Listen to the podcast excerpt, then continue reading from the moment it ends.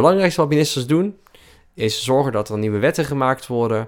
En als die wetten dan goedgekeurd zijn door de Tweede Kamer en de Eerste Kamer, om te zorgen dat die wetten uitgevoerd worden. We gaan het vandaag hebben over ministers. Een minister is, uh, is, is iemand die uh, wetten bedenkt en ze ook uitvoert als ze goedgekeurd zijn door de Tweede Kamer. En als je denkt dat de minister al die wetten zelf schrijft, dan heb je het mis. Uh, ik denk dat de minister zelf heel weinig doet aan uh, wetten schrijven. Daar heeft hij heel veel ambtenaren voor op zijn ministerie. Maar wat doet zo'n minister dan wel? En wat is het verschil tussen een minister en een staatssecretaris? Ja, staatssecretaris zijn een soort van uh, junior ministers. Rinze Broekema, de politiek assistent van staatssecretaris Blokhuis, vertelt ons wat het werk van een staatssecretaris precies inhoudt. Het komt erop neer dat hij verantwoordelijk is voor uh, een deel van het overheidsbeleid. In zijn geval op het terrein van de zorg. Hij werkt op het ministerie voor de Zorg. En hij heeft een deel van die, die, die thema's uh, onder zich. En uh, daar moet hij uh, besluiten opnemen of hij moet daar debatten over voeren in de Tweede Kamer. zich verantwoorden over dat beleid. en hij moet zorgen dat dat een beetje goed gaat. En uiteindelijk is hij verantwoordelijk voor, voor die onderwerpen. Heel veel luisterplezier met deze aflevering over ministers.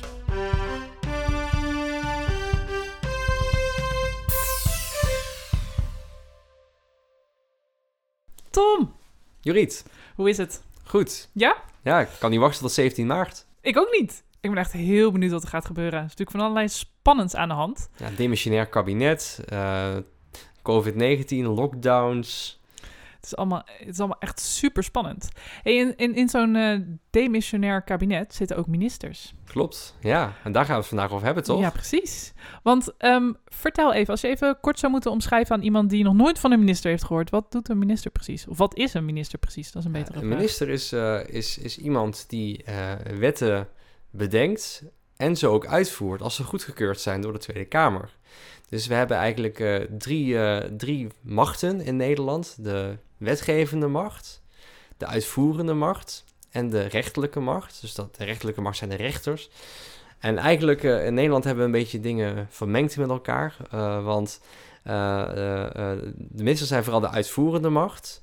maar ze kunnen ook zelf wetten bedenken. En de Tweede Kamer kan ook wetten bedenken. Dus in Nederland loopt het af en toe een beetje door elkaar heen. Maar het belangrijkste wat ministers doen, is zorgen dat er nieuwe wetten gemaakt worden. En als die wetten dan goedgekeurd zijn door de Tweede Kamer en de Eerste Kamer, om te zorgen dat die wetten uitgevoerd worden. Dus denk bijvoorbeeld aan uh, de avondklok. ja, we mogen niet uh, uh, na half negen naar buiten toe. Ik ben heel benieuwd op het moment dat dit online komt of dat ook echt gebeurd is, want dat weten wij nu ja, nog niet. Ja, precies. dus, het is net aangekondigd deze week. Um, en dat moet natuurlijk bedacht worden door, uh, door een minister. En dat moet uh, besproken worden met, uh, met de Tweede Kamer. En pas als de Tweede Kamer het goedgekeurd heeft, dan kan de minister dat gaan uitvoeren. Ja, dus even voor, voor, voor, voor mijn beeldvorming. De Kamer kan wetten bedenken, maar ministers ook. Maar volgens mij zijn de ministers degene die voornamelijk de wetten Precies, bedenken, dus toch? echt ja. bijna 95% van de wetten die worden gemaakt door ministers. Ja, precies. En doet de minister dat allemaal alleen? Nee, nee, nee, absoluut niet. Dus uh, ik denk dat de minister zelf heel weinig doet aan uh, wetten schrijven. Daar heeft hij heel veel ambtenaren voor op zijn ministerie. En, en, en zo'n minister is dan het gezicht van, van wat daar bedacht wordt? Of ja, die is uiteindelijk ook verantwoordelijk. Dus uh, de minister is verantwoordelijk voor alles wat er op zijn ministerie gebeurt. Over de uitvoering van, het, van de wetten waar hij verantwoordelijk voor is. Dus je moet je voorstellen, dus als wij een, een coalitie hebben, daar werken partijen met elkaar samen... Er wordt een, een, een ploeg ministers bij bedacht. Oké, okay, wacht even, want dan hebben we dus een, een, een, coalitie en die bedenken de ministers of die, die, die nemen de ministers aan of hoe, hoe werkt dat precies? Ja, Wanneer goed, word je goed minister? Dat je, goed dat je het vraagt inderdaad, dus uh, dat gebeurt niet zomaar dat je minister wordt. Uh, dus we hebben verkiezingen in Nederland en na de verkiezingen gaan partijen een beetje aan elkaar snuffelen. Welke partijen kunnen dat goed met elkaar vinden? En die gaan een, uh, een regeerakkoord met elkaar schrijven. Nou, dat regeerakkoord zijn allemaal mooie plannen in voor de komende vier jaar. Um, en dat regeerakkoord moet natuurlijk uitgevoerd worden door, uh, door mensen. Dus uh, die partijen kunnen dan uh, bij elkaar gaan kijken. Nou, wij willen ministers voordragen. En ook staatssecretaris, maar daar zullen we het later nog even over hebben.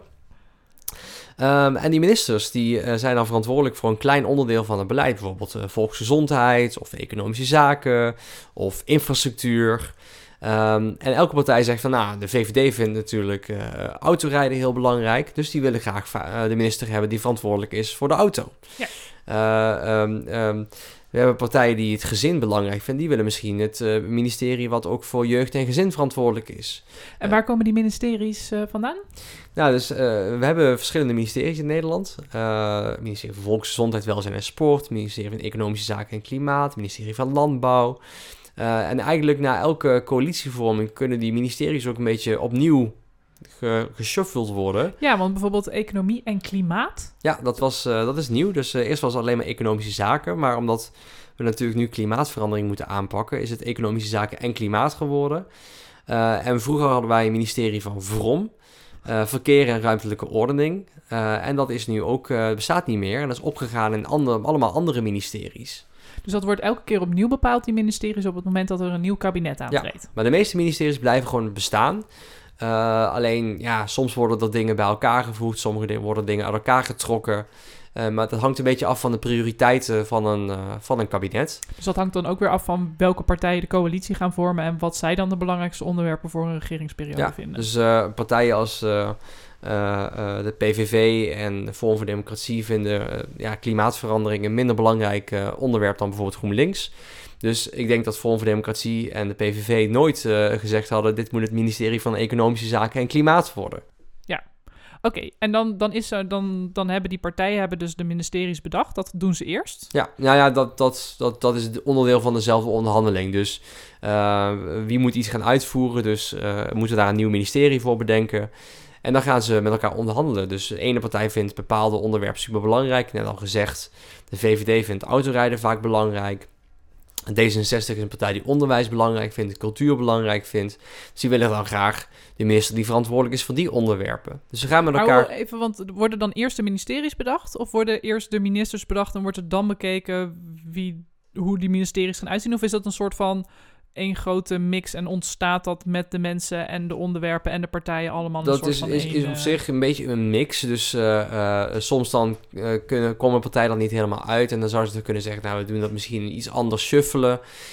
we gaan dat ministerie wellicht wat anders organiseren, zodat we dat ook op andere manieren kunnen ordenen omdat die partij dat heel belangrijk vindt en we komen er anders niet in onderhandeling komen er niet uit.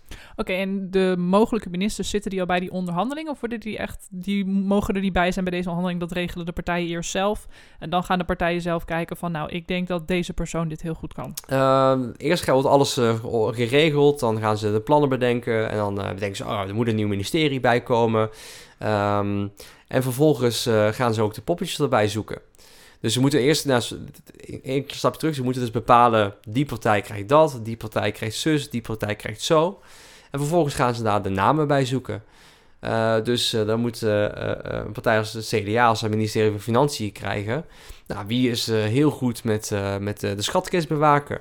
En de VVD wil een minister van infrastructuur. En wie weet er veel van, van, van snelwegen of wegen aanleggen, et cetera. Dus, dus dan wordt er wel echt gekeken naar wat iemand al kan en wat iemand zijn track record is op dat gebied? Of wordt er gekeken naar, hé, hey, wij willen graag die persoon minister maken en daar gaan we een onderwerpje bij zoeken? Het kan allebei. Dus uh, soms dan wordt iemand echt vanwege zijn ervaring gevraagd van, jij weet heel veel van dat onderwerp, dus ga maar lekker op dat ministerie zitten.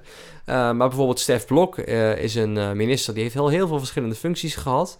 Uh, en dat is een beetje een minister die is gewoon heeft heel veel ervaring met het leiden van het ministerie. Volgens mij kun je iemand als Stef Blok op bijna elk ministerie zetten. Dat is gewoon een hele goede minister, ongeacht het onderwerp. Ja, die uh, weet gewoon hoe, uh, hoe de hazen lopen binnen het ministerie. En uh, dan maakt het onderwerp wat minder uit. En heeft zo iemand dan ook nog wat te zeggen over het onderwerp wat hij kan krijgen? Of is het een soort van, oké, okay, we hebben alles opgedeeld, dit onderwerp hebben we over, laten we meneer Blok inspellen? Nou, er zijn natuurlijk altijd mensen die van tevoren uh, actief, bij, actief zijn bij een partij en zeggen, ik zou heel graag de volgende minister van Economische Zaken willen worden. En dan uh, dat ook laten weten aan de mensen die aan de onderhandelingstafel zitten. Of de mensen kunnen zelf ook aan de onderhandelingstafel zitten en zeggen van, nou, ik heb mezelf al een mooie rol bedacht. Ik wil minister worden van dat en dat onderwerp. Oké. Dus dat is, dat is dus een hele grote periode met onderhandelingen tussen partijen, maar tegelijkertijd dus ook over ministeries en over banen van mensen. Want zo'n minister, dat is nogal een heftige baan. Dat is niet Klopt. een 9-to-5 baan volgens mij. Nee, absoluut niet. Eh, eh, ik denk dat je heel hard moet werken als minister. Oké, en dan ben je eenmaal minister. En dan is jouw voornaamste taak dus wetten maken. Ja. Maar die wetten die jij maakt, moet de Kamer eerst nog goedkeuren volgens mij. Klopt dat? Ja, dat klopt. Kan je wat vertellen over hoe dat spel eigenlijk een beetje gaat? Want zo'n minister die bedenkt iets en dan moet hij vervolgens gaan bedenken... Hmm, hoe ga ik ervoor zorgen dat de Kamer voor mijn wet gaat, st- gaat stemmen? Nou ja, je hebt natuurlijk verschillende ehm, mogelijkheden die, die je hebt als eh, minister. Dus eh, je hebt een eh, regeerakkoord. Daar staan alle plannen in van een coalitie van de komende vier jaar. En daar staat bijvoorbeeld in... eh, we moeten eh, zorgen dat er eh, meer spoorlijnen worden aangelegd... en dat de treinen eh, 160 kunnen rijden. Nog even, even voor de zekerheid. Heeft zo'n minister nog invloed op dat regeerakkoord... of komt de minister pas nadat het rege- regeerakkoord gesloten is? In principe komen ze pas als het regeerakkoord gesloten is. Maar het kan natuurlijk zijn dat zo'n partij de onderhandelaar of de fractievoorzitter voordraagt om minister te worden. Oh, oké, ja. Dus dan, dan heeft zo'n persoon wel invloed. Eh, maar in de regel worden ze er eh, achteraf bij betrokken. Wil jij minister worden? Eh, en vind jij deze plannen een beetje tof? Want het is natuurlijk niet zo fijn als je vier jaar plannen moet uitvoeren waar je het helemaal niet mee eens bent. Precies, ja, oké, helder. Dan waren we bij hoe gaat zo'n minister ervoor Oh ja. zorgen dat een Kamer voor zijn of haar plannen gaat stemmen. Ja, precies. Dus dat, je hebt dat regeerakkoord. Er staan alle, ja, in, in best wel algemene termen staat er dan in... eh, wij willen eh, meer eh, spoorlijnen aanleggen... of veiliger, veiliger, het, veiliger maken voor ondernemers... dat ze minder overvallen worden of zoiets dergelijks. Nou, dan moet de minister binnen het ministerie gaan bedenken... oké, nou, daar moeten wij iets voor gaan doen. Dus misschien heeft de politie wel extra geld nodig... Nou, dat moet dan bij de begroting moet dat voorgesteld worden. De begroting is eigenlijk een soort van het huishoudboekje van de overheid. En dan moeten de ambtenaren binnen het ministerie gaan zoeken hoe halen we daar eh, geld vandaan. Dan moeten ze gaan onderhandelen met het ministerie van Financiën of kunnen we misschien ergens op bezuinigen. En dan maken ze een plan en dat, moet dan, eh, dat wordt dan op ambtelijk niveau bedacht. En dat gaat steeds een treedje hoger naar een steeds belangrijkere ambtenaar binnen het ministerie. Totdat het uiteindelijk goedgekeurd eh, wordt en op de tafel van de minister terechtkomt. Dat heet iets gaat de lijn in. Oké, dus een minister bedenkt iets, dan gaat het naar zijn ambtenarenmachine, om het maar even zo Ja. te noemen. Die gaan dan kijken, oké, hoe gaan we dit plan uitvoeren? Wat gaat het kosten? En hoe gaan we het dan betalen? En gaan ze ook nog kijken naar een eventueel effect? Eh, ja, voor sommige wetten moet ook het effect beschreven worden. Er zijn allemaal van die schabloontjes die voor wetten gebruikt worden. En voor sommige projecten moet een maatschappelijke kosten-batenanalyse gemaakt worden. Wat houdt dat dan in? Ja, daar moet gekeken worden van wat levert het op en wat kost het om dit te gaan doen. En je kunt je voorstellen als je een nieuwe snelweg aanlegt, dan moet je ook gaan bekijken van, nou ja, zorgt dat daadwerkelijk voor minder files? Eh, eh, hoe duur is het? Wegen die kosten en baten tegen elkaar op? Maar ja, ook een extra snelweg zorgt dat ook eh, natuur misschien verloren gaat, of dat er extra stikstof of fijnstof komt. En dat moet ook weer allemaal binnen de andere afspraken passen. Dus dat moet vaak ook uitgezocht en gewogen en gemeten worden. En dat is ook de taak van ja, de ambtenaren om uiteindelijk dat allemaal voor te bereiden. Want alleen met een goede onderbouwing eh, kan een wet natuurlijk op de tafel van de minister eh, belanden. Dan kan de minister zeggen, oh, deze wet is goed genoeg. Oké, en dan heeft de minister dat gezegd, van nou, hier durf ik wel mee de Kamer in. En Ja. wat gebeurt er dan? Nou, er zit er één stapje tussen. Eh, de wet gaat dan eh, vaak ook eerst naar de Raad van State. Oké, Dat is eh, een, een, een klein extra stapje. De Raad van State is een, is een adviseur van de overheid. En die gaat ook altijd alle, alle wetsteksten bekijken. Of het allemaal wel een beetje klopt wat erin staat. Of het juridisch goed in elkaar steekt. En die kunnen ook een advies geven. Nou, beste minister, met onze expertise van wetgeving zou ik deze wet iets aanpassen. Want eh, dit, eh, dit is wel een hele eh, dure wet voor een heel klein effect. Oké, maar even, die, die mensen die in de Raad van State zitten, die zijn daar niet democratisch verkozen? Nee. Die zijn aangenomen op basis van hun expertise? Ja. Oké, helder. En de minister kan ook het advies van de Raad van State negeren. Uh, maar het advies van de Raad van State gaat samen met de wet wel naar de Tweede Kamer. Oké. Dus uh, als de Raad van State een advies heeft uitgebracht, dan kan de minister nog een wet aan gaan passen. Uh, of dat hoeft hij niet te doen. Dat wet, die wet en het advies van de Raad van State gaan naar de Tweede Kamer. En dan kan de Tweede Kamer natuurlijk wel uh, dat advies lezen en zien van... hé, hey, de minister heeft helemaal niet aan de Raad van State geluisterd, waarom niet? En dan moet hij dat dus uit gaan leggen, lijkt Precies, ja. Oké, en um, stel, het gaat allemaal helemaal zoals de minister wil. Hè? Dus uh, hij heeft een goed plan, zijn ambtenaren hebben hun huiswerk uh, goed gedaan. Vervolgens zegt de Raad van State, nou, dat is heel goed gedaan, minister, ga zo door. Dan gaat hij naar de Kamer. Mm -hmm. En dan vervolgens kan er nog helemaal niks gebeuren. Want die Kamerleden moeten er eerst ook nog wat mee doen, toch? Precies, ja. Die, we hebben een andere aflevering ook uh, besproken. Dus uh, we moeten in een procedurevergadering en dan in een vergadering moet behandeld worden. Dan moet er uh, over gestemd worden. En dat, ja, de Tweede Kamer heeft heel veel mogelijkheden om daar nog heel veel langer over te doen. Want ze ja. kunnen allerlei extra vergaderingen, vragen over stellen. Aflevering 2 als je daar meer in geïnteresseerd bent. En is het dan zo dat zo'n minister dan ondertussen eigenlijk niks meer kan doen? Of wat kan een minister op dat moment doen? Kan hij nog dingen doen om het te overtuigen? Kan die gaan lobbyen? Kan Hij kan zeker gaan lobbyen. Dus uh, uh, een minister kan natuurlijk ook gaan bellen met allerlei uh, Kamerleden. Maar daar hebben ze ook hulp bij. Dus ze hebben ook politiek assistenten. dat zijn dus eigenlijk de leden, mensen die lid zijn van een politieke partij. En die worden ook door een minister aangesteld om hun te helpen in het contact met de Tweede Kamer. dus die politieke assistenten die kunnen ook naar een Kamerlid gaan van... Ah, eh, we hebben een nieuwe wet bedacht en we hebben gehoord dat jij daar heel veel vragen over hebt. Uh, maar wij vanuit het ministerie vinden het heel belangrijk dat die wet uh, heel snel doorkomt. Dus kunnen we het daar eens over hebben. Dus zo'n politiek assistent die helpt de minister om een wet makkelijker door de Tweede Kamer te loodsen. En die zorgt dat die minister goede voelsprieten heeft in de Tweede Kamer. Dus als zo'n politiek assistent dan met een Tweede Kamerlid praat en die hoort vervolgens dat een Tweede Kamerlid het absoluut niet wil om uh, A, B of C reden, dan gaat die politiek assistent terug naar die minister en dan zegt hij, nou, deze wil het echt niet om A, B en C. En dan kan ja. die minister vervolgens weer gaan nadenken, hm, kan ik daar nog wat mee? Ja, precies. Dus uh, kan ik misschien een toezegging doen van ik zal zorgen dat de wet na twee jaar geëvalueerd wordt. Uh, of dat uh, de motie die dat Kamerlid wil indienen, zal ik maar zeggen: oké, prima, dan accepteer ik die motie wel. En dan ga ik niet zeggen dat die motie ontraden moet worden. dus zo kun je samenwerken om zorgen weg te nemen van Tweede Kamerleden. Kun je misschien extra uitleg geven. En zo kan die minister die wet sneller door de Tweede Kamer loodsen. Of succesvol door de Tweede Kamer loodsen. En met succesvol door de Tweede Kamer loodsen bedoel jij dat uit op het moment dat zijn plan dan in stemming wordt gebracht, dat zoveel mogelijk Kamerleden voor zijn plannen stemmen? Ja, er moet een meerderheid van minimaal 76 Kamerleden voor zo'n wet stemmen. De helft plus één. Precies. En dan is het aangenomen door de Tweede Kamer.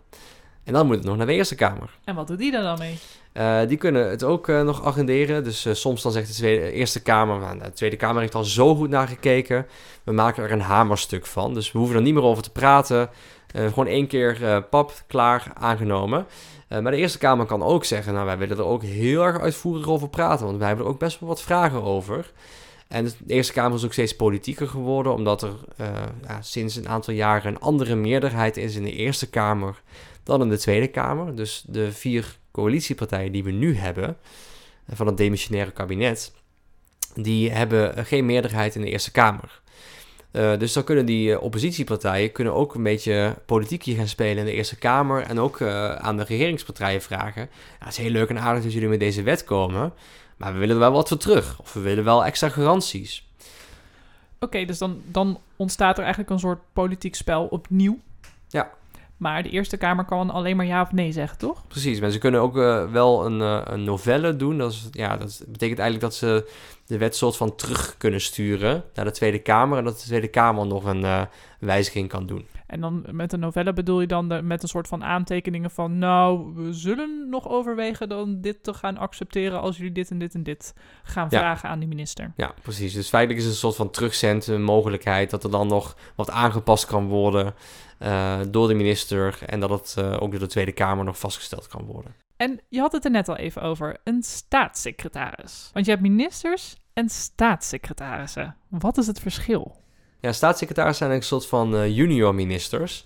Dus het uh, uh, ministerie, daar, kunnen, daar kan zowel een minister als een staatssecretaris op, op zitten. Mm-hmm. Dus als we bijvoorbeeld naar het ministerie van Economische Zaken kijken, daar hebben we een minister en een staatssecretaris. Ehm, die staatssecretaris heeft een klein deel van de portefeuille van het ministerie. Dus het, vaak is die portefeuille ook iets kleiner dan de portefeuille van de minister. Uh, dus uh, als het een, een, druk ministerie is, dan is het vaak wel fijn om een staatssecretaris erbij te hebben. Dan hoef je niet als minister alle onderwerpen te gaan doen. En met te gaan doen bedoel je dan dat je aanwezig moet zijn in de Tweede Kamer, dat je daar de vragen moet beantwoorden, ja. debatten moet gaan doen, de pers te woord moet staan enzovoort. Zo'n staatssecretaris is eigenlijk, ja, die kan gewoon alles uh, doen wat de minister, die kan ook een, een, een wet sturen naar de Tweede Kamer, die moet ook verantwoording afleggen aan de Tweede Kamer over een wet. Uh, alleen de staatssecretaris is in de regel niet aanwezig bij de ministerraadsvergadering, maar kan daar wel toe uitgenodigd worden. Oké, okay, en um, is het dan ook zo dat de minister wel de uh, uh, werkgever is van zo'n staatssecretaris? Oftewel, is de, is de minister verantwoordelijk ja, voor de staatssecretaris? de minister is wel eindverantwoordelijk voor ook de staatssecretaris. Oké, okay. dus op het moment dat zo'n staatssecretaris iets doet wat toch niet helemaal goed was, dan wordt de minister daarop aangekeken? Nou, volgens mij is het zelfs zo uh, dat een minister een staatssecretaris kan ontslaan. Uh, maar dat is volgens mij ook wel decennia niet meer voorgekomen. Want zo'n staatssecretaris wordt dan gekozen door een minister? Of wordt dat net zoals met ministers gekozen dat wordt de net zoals met ministers aan het begin bij de coalitieonderhandelingen wordt dat gekozen. Ja, helder. We hadden het er net al even over. Politiek assistenten. We hebben even met een van hen gebeld. Rinse Broekema. Hij is politiek assistent van staatssecretaris Blokhuis. En hij legt ons uit hoe het dagelijkse werk van een staatssecretaris er precies uitziet.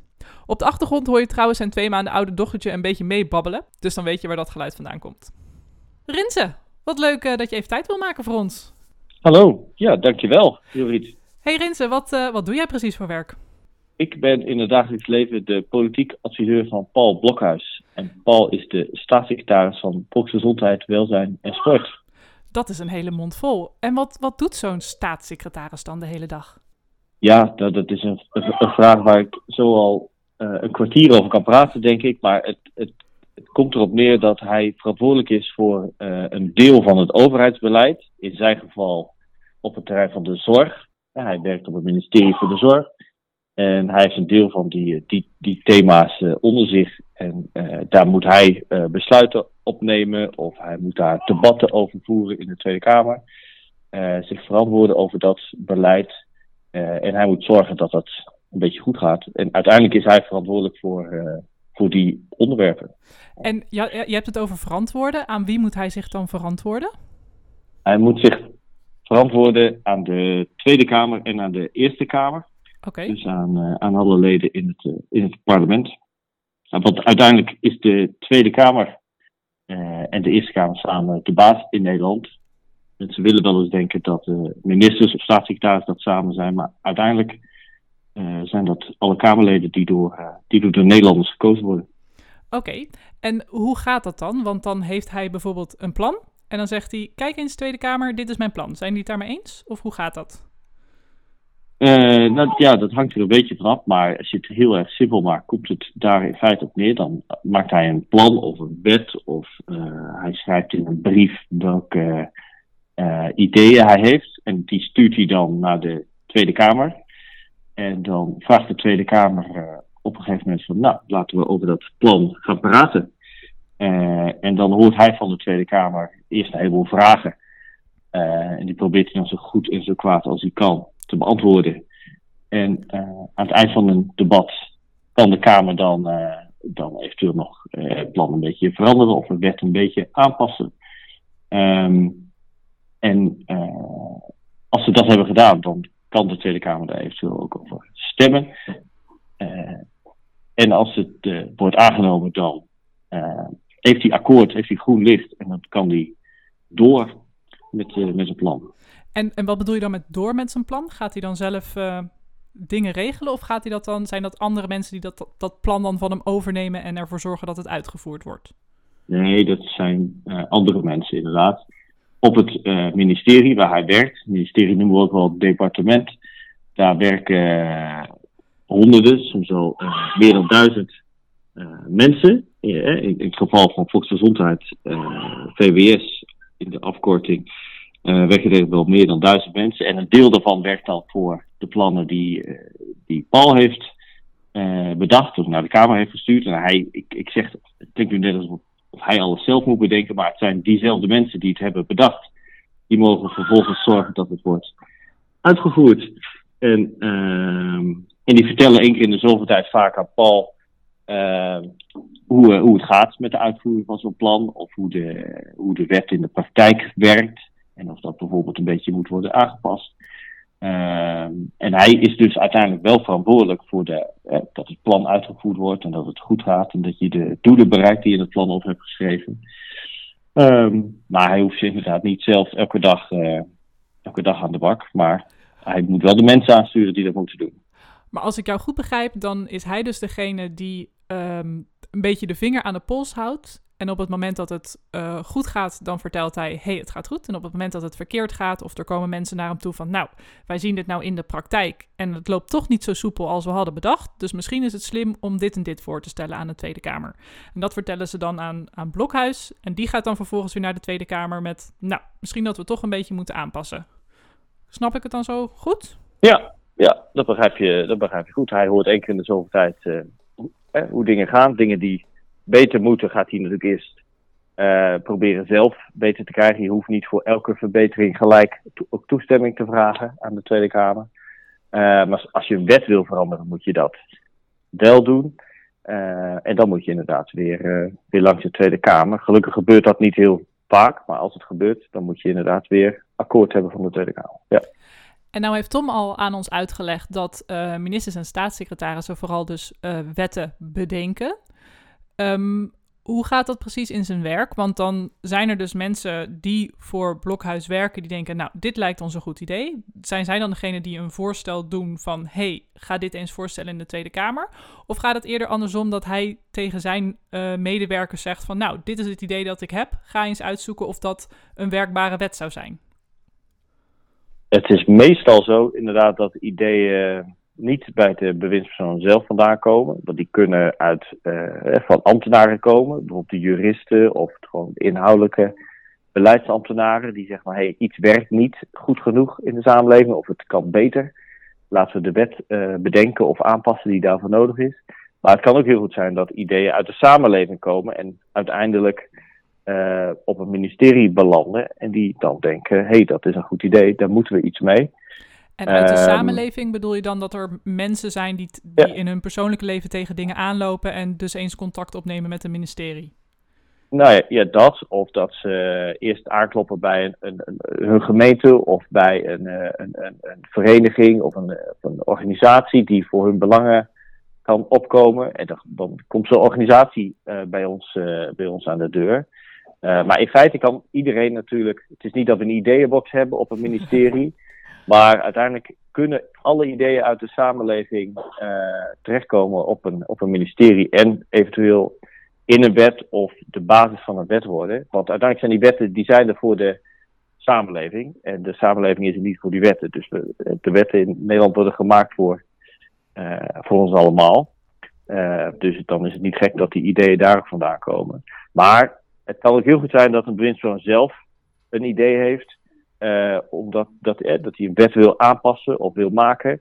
En dat kan ook heel goed het, uh, het begin zijn van, van een wetstraject. Maar het is, ik heb vaak gehoord dat het bedenken van een wet is twee minuten. Het schrijven van een wet zou in theorie in twee dagen kunnen. Maar het aangenomen krijgen van een wet en ook ingevoerd, daar ben je zo twee jaar mee bezig. Van, van het begin tot het eind. Wat kan je daar eens wat meer over vertellen? Want op een gegeven moment dan komt hij dus in de Tweede Kamer. Maar het lijkt me niet dat dat voor de Tweede Kamer uit het niets komt. Het lijkt me dat, dat, dat, dat zo'n staatssecretaris van tevoren al zegt... nou, ik ben hiermee bezig, uh, beste GroenLinks, VVD of uh, welke partij dan ook. Uh, wat, wat vinden jullie hiervan? Of gebeurt dat eigenlijk niet van tevoren? Nou, die laatste vraag niet helemaal. Want het is moeilijk te vragen wat ze ervan vinden als er nog geen wet ligt. Maar uh, het, er wordt vaak, ik denk bijna altijd wel aangekondigd dat er aan een wet wordt gewerkt of aan een wetswijziging. En soms geven Kamerleden dan wel ideeën mee over, nou houdt u dan ook rekening met uh, dit idee of uh, neemt u gelijk ook dan dit probleem mee. maar voordat het in de Tweede Kamer ligt, zit er een heel traject aan vooraf inderdaad. Het begint natuurlijk op het ministerie zelf. Daar heb je een tijd nodig om het te schrijven. Uh, vervolgens wordt er her en der wat advies ingewonnen bij andere ministeries, hoe die erover denken. Daarna moet je naar uh, de ministerraad, want uh, wetvoorstellen, voordat je die in de Kamer mag indienen, moeten eerst ook worden aangenomen door de ministerraad. Hè. Dat is de plek waar alle ministers en soms ook staatssecretarissen zitten. Maar voor, voordat je dan bij de Tweede Kamer bent, moet je tussendoor nog advies vragen over die wet aan de Raad van State. Die geven advies over alle wetten die je wilt indienen. En die, geven die kijken mee of het juridisch klopt. En of er uh, eventueel nog uh, aanpassingen gedaan moeten worden. Uh, en daarna stuur je dat, als het positief advies is of je hebt het aangepast, kun je het naar de Tweede Kamer sturen. Dus als ik jou goed begrijp, dan, dan is zo'n staatssecretaris verantwoordelijk voor het maken voor zo'n wet. Maar werken er ontzettend veel mensen mee aan het uiteindelijk schrijven en het uitvoeren van zo'n wet? Uh, ja, dan klinkt het net alsof je zo'n wet met 100, 200, 300 mensen hebt. Dat is niet zo. Maar er zijn gewoon veel mensen op het ministerie uh, die elk hun eigen onderwerp hebben. En het kan dus goed zijn dat een stuk of vijf, of, uh, nou laat het zeggen tien, met elk hun eigen expertise samen aan een grote wet werken op het departement. Maar die doen daarnaast vaak ook nog andere klussen als ze even niet met die wet bezig zijn. Maar het is vaak, het is, het is niet uh, de bewindspersoon zelf of één persoon die zo'n hele wet uh, in zijn eentje hoeft te, hoeft te schrijven. Oké, okay, dat is gelukkig volgens mij, want volgens mij is dat een best een, uh, een grote taak. Zeker. Hey, en... Goede, goede klus, ja. hey, en um, nu hebben we staatssecretaris en ministers. En ja. Blokhuis, onder welke minister valt hij? Hij werkt samen uh, met minister Hugo de Jonge, de minister van Volksgezondheid, Welzijn en Sport. Hè. Die heeft dus echt dezelfde titel als hij, maar dan minister. En we hebben op het uh, ministerie uh, nog een minister. Dat is de minister voor Medische Zorg en Sport. Dat is Tamara van Ark. Okay. en, en je zei iets van, hij valt eronder. Ik snap heel goed dat je dat, dat, je dat zegt. Maar in de praktijk zijn het uh, collega's die samenwerken. Hebben we nou eenmaal ministers en staatssecretarissen ook een beetje uit pra praktisch oogpunt. Omdat je nou eenmaal niet uh, zo snel met, met 25 ministers kunt, kunt werken. Dus doe je er iets minder. Volgens mij hebben we nu een stuk of 16. En dan geef je de andere net iets andere titel. En in de, ja, de politieke pikorde is het ook wel ietsje lager. Maar je valt in die zin niet onder een, uh, onder zo'n minister. Uh, want je werkt gewoon samen en je bent verantwoordelijk voor je eigen deel. Dus het is niet zo dat een staatssecretaris voor alles wat hij doet toestemming moet vragen aan de, aan de minister. Want uiteindelijk legt hij verantwoording af, zoals ik zei, aan de, aan de Tweede Kamer. Precies, dus het is niet zo dat meneer de Jonge de werkgever uh, van Blokhuis is. Nee, de werkgever is het, uh, ja, in zekere zin zou ik zeggen, het Nederlandse volk via de, via de Tweede Kamer. Ja. Nou, dat is heel mooi. Eens kijken of uh, wat het Nederlandse volk dan gaat beslissen op 17 maart. Rinse, dankjewel voor je antwoorden. Graag gedaan. Dus dat was duidelijk. Zo'n staatssecretaris heeft meer dan genoeg te doen. En gelukkig hoeft hij dat dus niet in zijn eentje te doen. En je noemde het net al even, want het ging al even over politieke partijen. Een politieke partij die uiteindelijk dus in de coalitie komt, die mag ministers leveren. Um, een minister, als je ze op televisie ziet, op het NOS-journaal of een ander journaal of in een interview ergens, dan zie je altijd wel de naam van die minister. En dan staat vaak daaronder van welk ministerie dan uh, minister is. En dan staat er altijd vaak tussen haakjes een politieke partij achter. Maar hoe belangrijk is zo'n politieke partij nu voor een minister? Is, um, hij, is hij daar ook echt voor om de partijideeën uit te dragen? Of is hij eigenlijk een soort van wat neutraler persoon? Hij is eigenlijk een soort van neutrale persoon. Dus, dus een, een minister hoeft ook niet van een bepaalde politieke partij te zijn. Uh, het is vaak wel zo dat, uh, dat, dat, dat partijen die in een coalitie zitten vinden het fijn dat ze iemand die van hun eigen partij is kunnen voordragen. Uh, maar het hoeft niet per se. Ehm, maar wat we met elkaar afgesproken hebben in Nederland is dat alle ministers met één mond praten. Dus het is niet zo dat een minister van partij A 180 graden iets anders kan zeggen dan de minister van partij B. Dus de ministers die werken samen, die moeten compromissen sluiten.